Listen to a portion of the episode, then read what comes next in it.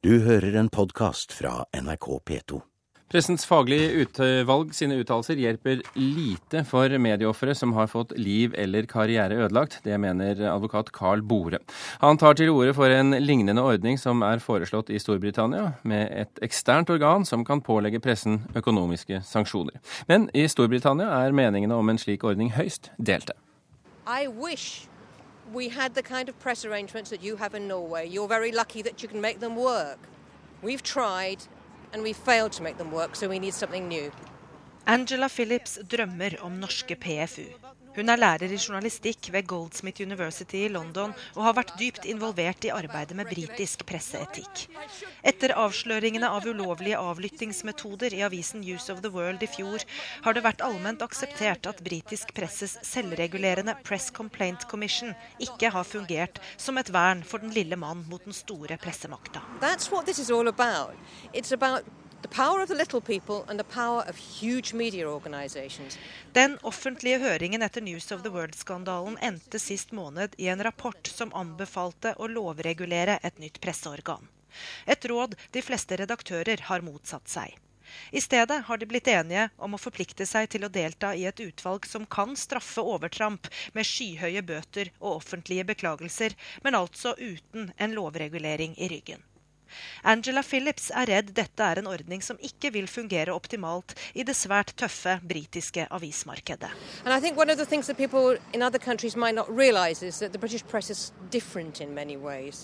One of the most important things is it's, it's very, very competitive, and they are fighting each other to the death by using scandal and by using bullying tactics um, and hurting people.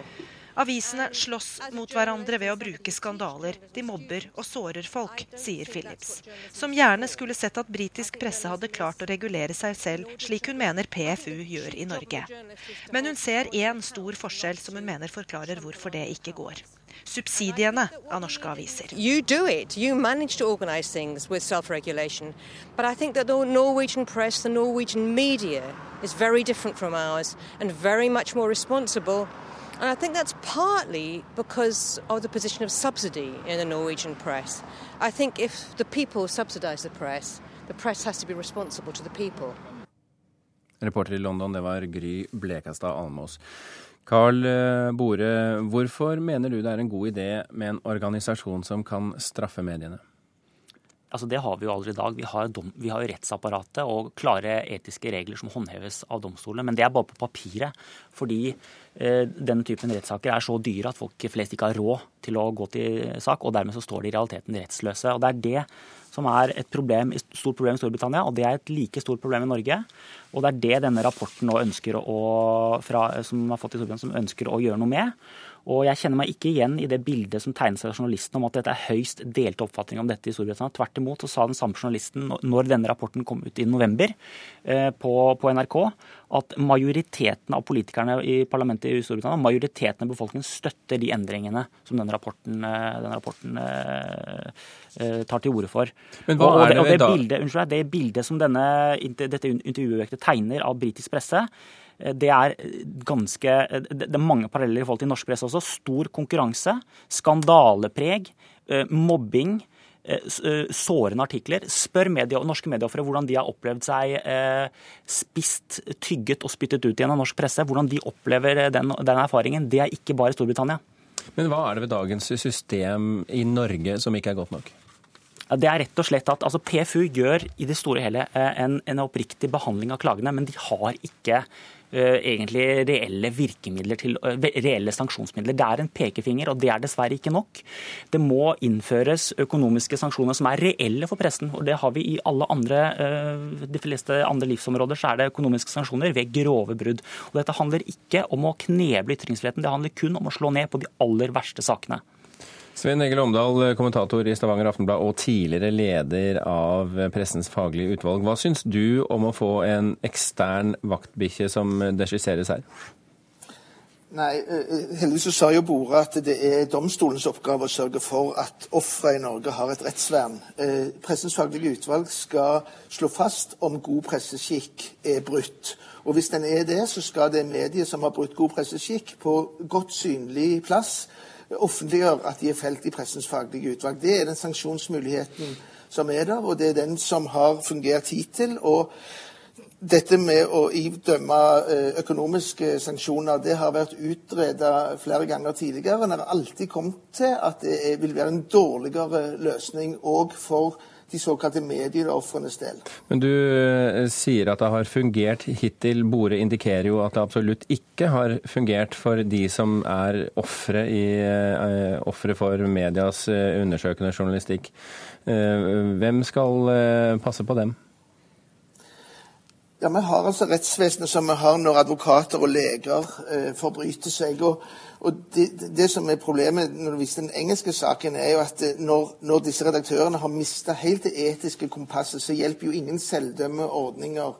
Det som utløste eh, Levson-kommisjonen i England, var jo rene forbrytelser. Um, sånn at uh, Der har vi òg et system i Norge for å håndtere. Um, i Norge som, som, har en eh, presseetisk standard som regnes som veldig høy i internasjonal sammenheng, og som kommer av vår pressehistorie, så har Pressens faglige utvalg gjennom eh, sine eh, snart 90 år fungert som et, et, et godt regulerende system. Det er ingen grunn til at en skulle gjøre noen store endringer i dette. Bore.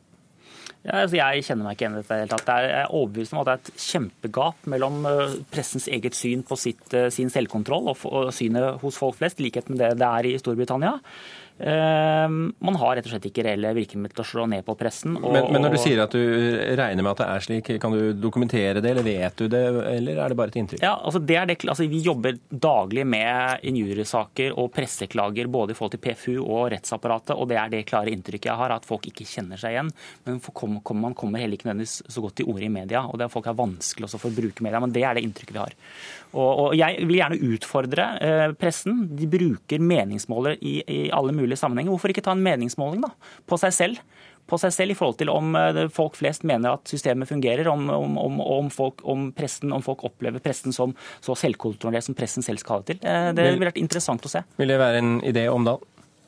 Jeg tror jo Bore kunne jo begynt med å lese det som faktisk finnes av forskning på dette området. Så ville han sett at det bildet som han gir, er uhyre unyansert.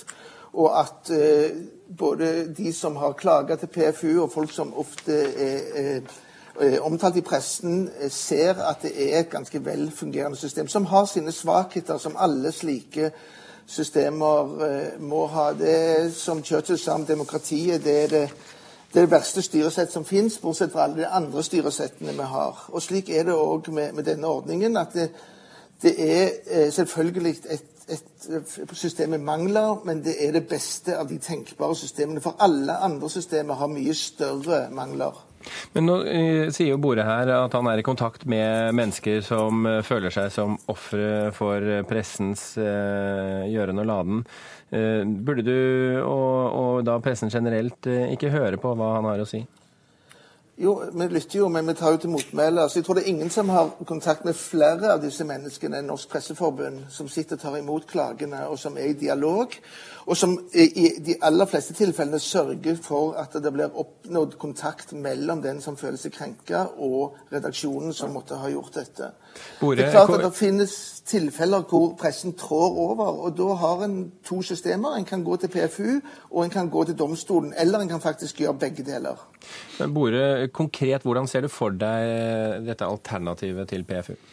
Nei, altså man, Fortrinnsvis så bør, jo, bør dette etableres med en statlig finansiering. Og så må man ha en helt uavhengig innvelgelse av folk til et nemnd som kan ta stilling til disse klagene og også tilby en billig behandling av injuriekrav, erstatningskrav. Noe som man ikke har i dag. Eh, og, og, ja, Det er vel egentlig ikke noe verre enn det. Det som er stor, Et stort problem her er jo det at politikerne våre i dag lever godt av å ha et, en god relasjon til pressen, og, og, vil ha problemer med kanskje uten videre å etablere dette. Vi, vi, går ikke videre på den eh, i denne omgang, Bordet. Eh, Omdal, hva tenker du om å ha et sånt lite selvstyrt organ ved siden av PFU?